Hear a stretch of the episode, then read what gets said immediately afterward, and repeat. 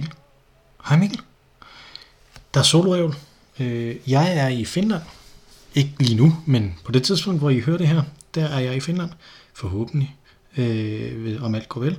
Og derfor så er der en soloævl. Man kan jo sige, det er jo lidt underligt, hvorfor det så er mig, der laver en soloævl. Men det er simpelthen fordi, at jeg havde tid til at lave den, inden jeg tog afsted til Finland. Vi havde bare ikke tid til at optage noget øh, samtidig. Så derfor så kan det mening. Øh, nu har, jeg tror, det er min tur. Jeg mener, det er sådan en serveret frem og tilbage. Hvis jeg husker rigtigt, så sidste gang øh, sagde Mathias noget, som der gjorde mig øh, sikker på, at jeg var, us, jeg var øh, uenig med ham.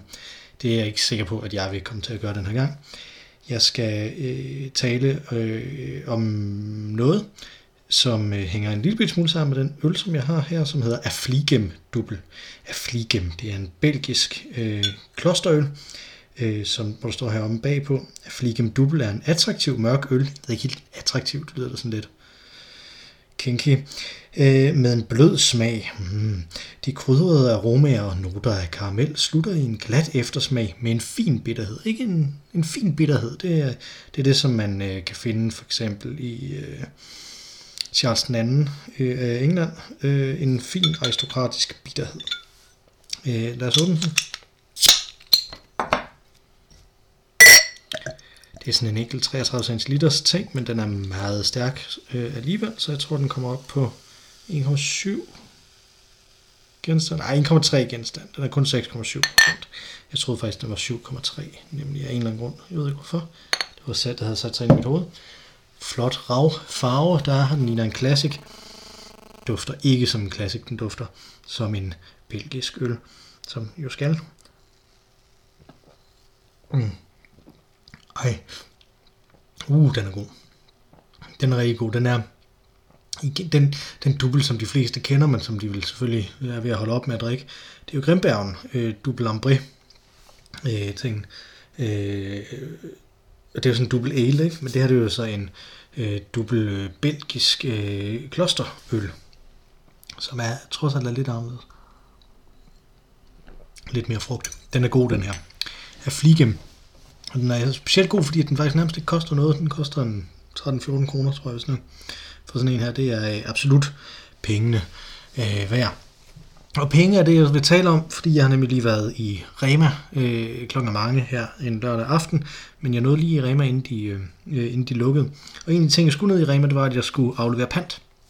Øh, fordi at Pant har en tendens til ligesom bare at stå et sted og lugte, og det dur ikke rigtigt, øh, når man øh, tager til Finland, at øh, der så står noget øh, pant og lugter øh, efter en øh, bagefter. Fordi at der er også andre, som der ligesom bliver hjemme, som der, øh, som der sidder og skal lugte på alt det pant, som jeg efterlader. Så det er også noget med det at gøre. Det er ikke et spørgsmål om, ah, nu kommer jeg hjem fra Finland, og så lugter det bare af, af den her pant. Det er ikke det, der er mit problem. Mit problem er, hvad der rent faktisk sker øh, for de stakler, som der, øh, som der er efterladt i min pantdunst. Så jeg tog panten med øh, dernede, og ned ved den her pant øh, ting, panthul, er det et panthul? Øh, en, øh, sådan, en, øh, sådan en bankautomat, en ATM, den kalder jeg altid for et pengehul. Det har min mor lært mig, at det øh, er en god måde ligesom at afmystificere det på øh, og bruge det ord. Øh, så det her det kunne være et panthul, bortset fra man hælder pant ind i, der kommer ikke pant ud. Øh, og der kommer man hen, og så står der, og det ved jeg ikke, om jeg har lagt mærke til, fordi der er jo sådan et display, altså, så står der, øh, nogle gange står der bunden først, øh, og det kan man ligesom forstå, fordi det er sådan en instruks til, hvad det jeg skal gøre, men, men rigtig ofte synes jeg, at der i virkeligheden står, giv mig en kasse, eller sæt en kasse ind, ja, det der i virkeligheden står ikke, det er jo et skrig øh, for den her maskine, om den vil have en kasse, og jeg tror, det er fordi, at der er meget få, der afleverer kasser. Specielt når man er i sådan et sted som, øh, som øh, Rema her, ikke? Altså, som jo bare er den her, her lille, øh, det her lille discount supermarked, hvor det ikke er der, hvor du kommer hen og laver dine store indkøb, og der, hvor du kommer med din kæmpe store familiebil. Du kommer gående typisk i stedet for, du kommer ikke med din familiebil, fyldt med øh, alle de ølkasser, som du har stående derhjemme, som også skal øh, sættes ind. Så derfor så har den garanteret plads til mange flere kasser, end der, end der kommer ind. Øh, og det vil den helst have, så den minder en om, husk nu, give, du kan også give sådan en kasse. Og det, det at ligesom have det her, det er jo sådan en ting, når jeg går hen til maskinen, så, så fortæller den mig den her ting. Den, den, den minder mig om, at jeg også kunne købe en kasse. Den minder mig om, at det ville være godt at aflevere det som kasser, fordi det faktisk er irriterende for maskinen og for dem, der skal øh, have den bagefter, så ligesom behandle de ting, som kommer bagefter, at det kun er de her andre ting, at det kun er de her øh, flasker, dåser, alle de her enkelte dele, som de skal have. Øh, og det at, at sige, jamen hvad er det, vi godt vil have brugeren til at forstå, hvad er det, vi godt vil have brugeren til ligesom at tænke i, i, i forhold til det her, det er jo det, som man kalder user experience. Det stod jeg så og tænkte over, mens jeg bloppede de her ting ind. Øh, når, jeg, når jeg forklarer studerende, når jeg har forklaret studerende om user experience, har jeg næsten altid brugt biler som øh, eksempel.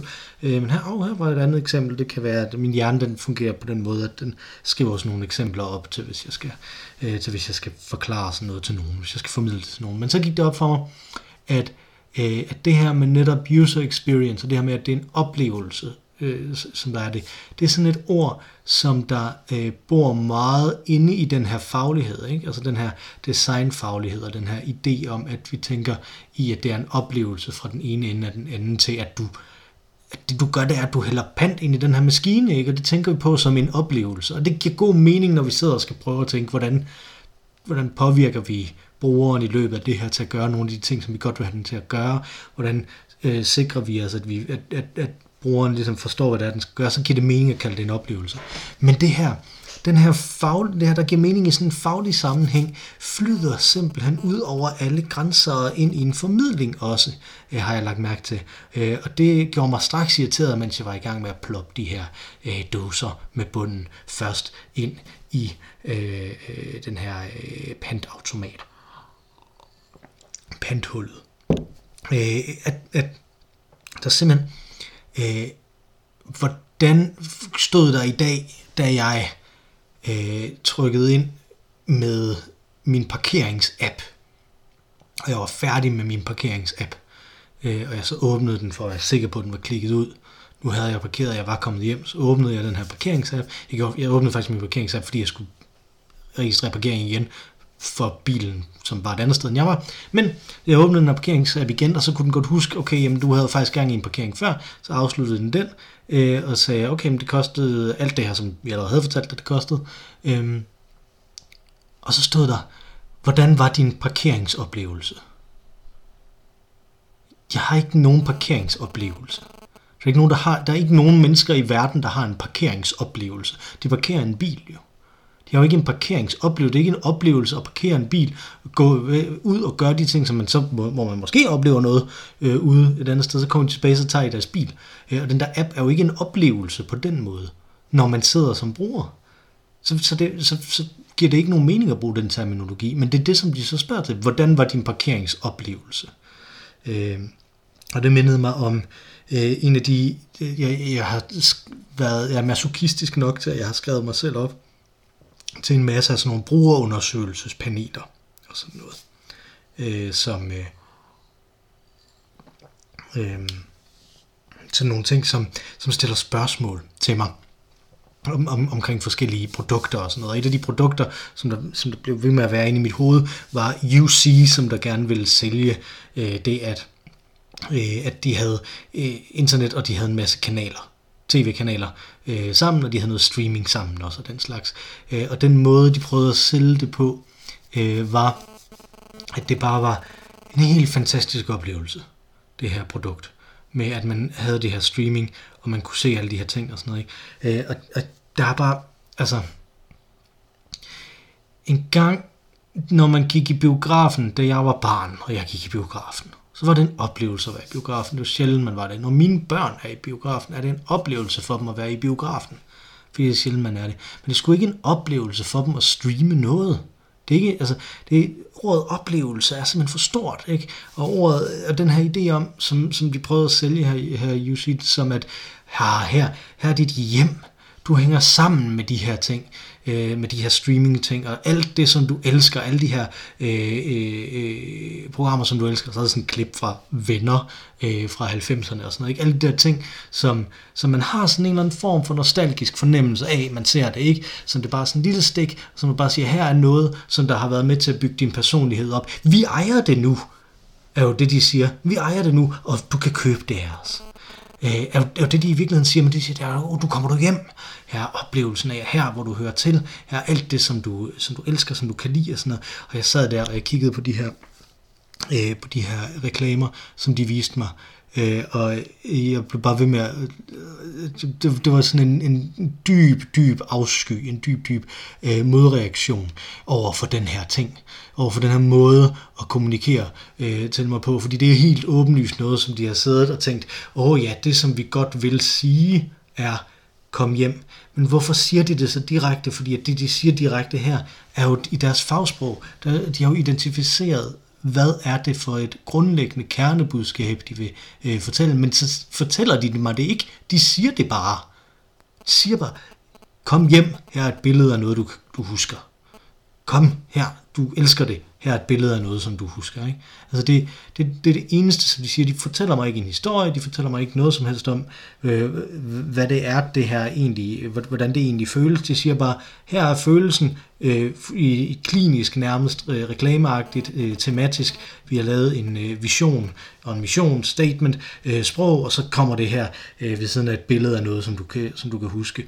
Øh, jeg skrev øh, i, i den her undersøgelse, i den her... Øh, brugerundersøgelse, øh, skrev jeg ind til det, at hver eneste de spurgte, vil for det her dig til at kunne de, øh, jo sige noget mere, har du lyst til det her? Sådan. Nej, overhovedet ikke. Øh, jeg, det får mig faktisk til, at det minder mig om, hvor kold og kynisk verden er. Det minder mig om, hvor øh, langt øh, hele den her, det her samfund er langt væk fra alt det, som jeg håbede og, øh, og drømte om, da jeg var barn.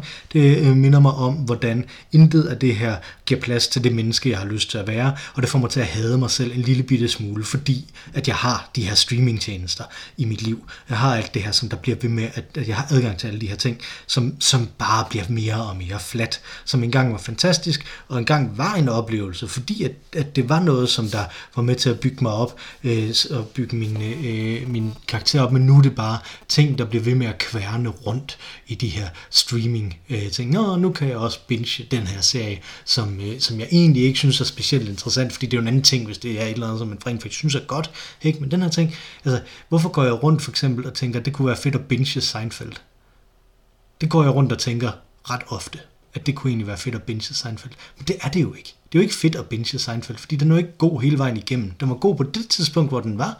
Den passer ekstremt godt på det tidspunkt, hvor den var, øh, da den kom, og på det tidspunkt, som jeg var i mit liv, da, øh, da den kom. Men det er jo ikke noget, der giver mening at binge nu. Det giver mening at se 20-25 afsnit af alle de afsnit, som der er lavet, fordi der er nogle af dem, som der er helt vildt gode og helt vildt godt skruet sammen. Ikke? Altså, men at binge det hele vejen igennem, det giver jo ikke nogen mening. Altså, det er jo bare forfladet i et, øh, husk nu den her nostalgi, du har. ikke.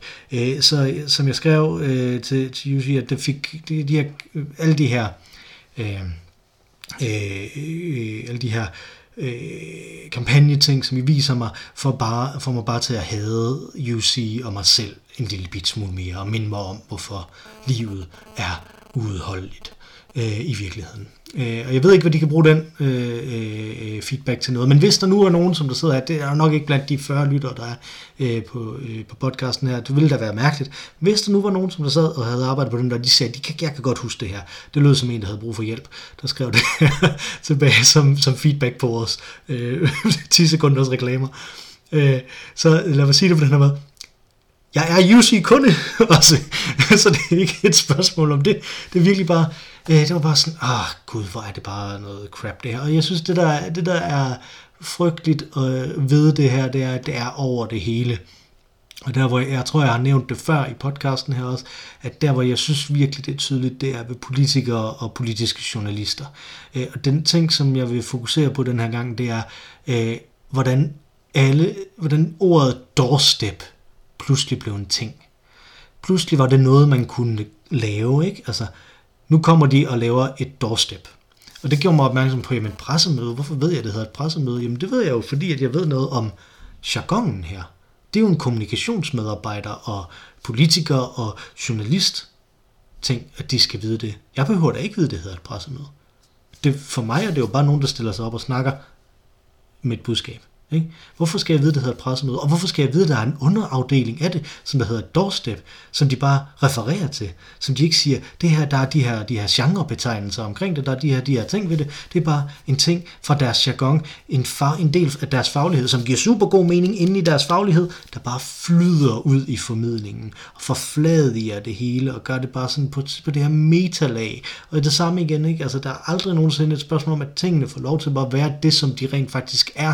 De er hele tiden inde i den her faglighed, den her om, omsaggribende begrebsliggørelse, som der er af alt, over det hele, hele tiden. Og så kom jeg til at tænke på, er det noget, vi også gør? Altså nu snakkede jeg meta om podcasten lige før, for eksempel. Ikke? Er det noget, vi bør gøre? Er det et problem? Skal vi lade være med det? Hvad hvis jeg begynder at sige, jamen jeg optager det her i Audacity med min Samsung Go mic. Oh, er det et problem? Øh, måske. Når jeg snakker om det her med, jamen jeg er ikke øh, i, øh, jeg er i Finland, men det er jeg ikke lige nu, og der er alt muligt her bagved. Er det et problem, at jeg snakker om de her ting?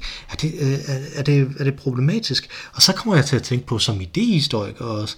Øh, hvad, hvad gør man som idéhistorie med det her? Er det, hvis man går ud og snakker om, rent faktisk siger, det her det er et paradigmeskift, når man begynder at bruge sådan nogle begreber på den måde, og de flyder ind i formidlingen, er det så det samme? Føles det sådan, hvis man ikke er inde i den faglighed? Føles det sådan, hvis man ikke er der?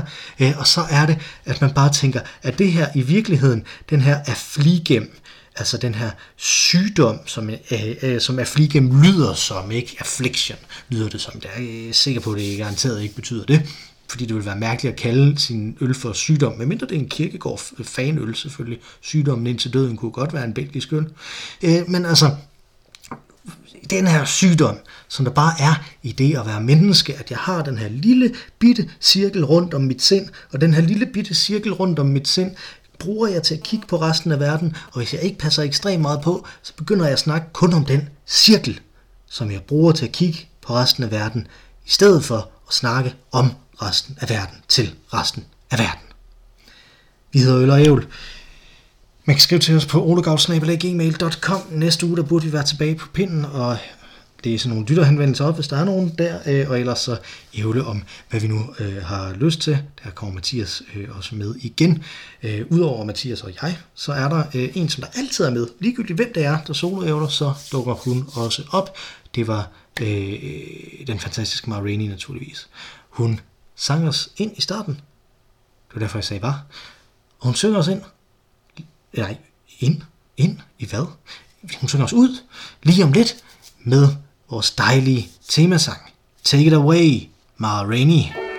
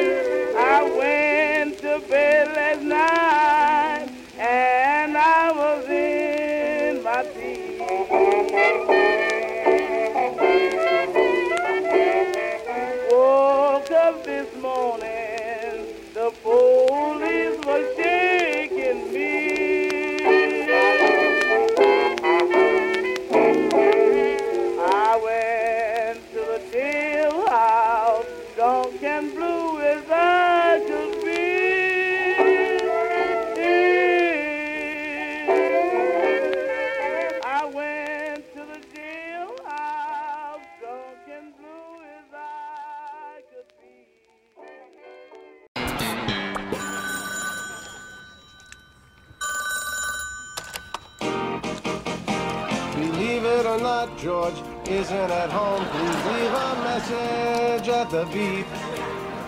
I must be out, or I pick up the phone. Where could I be? Believe it or not, I'm not home. George, pick up. I know you're screening for Allison. Huh?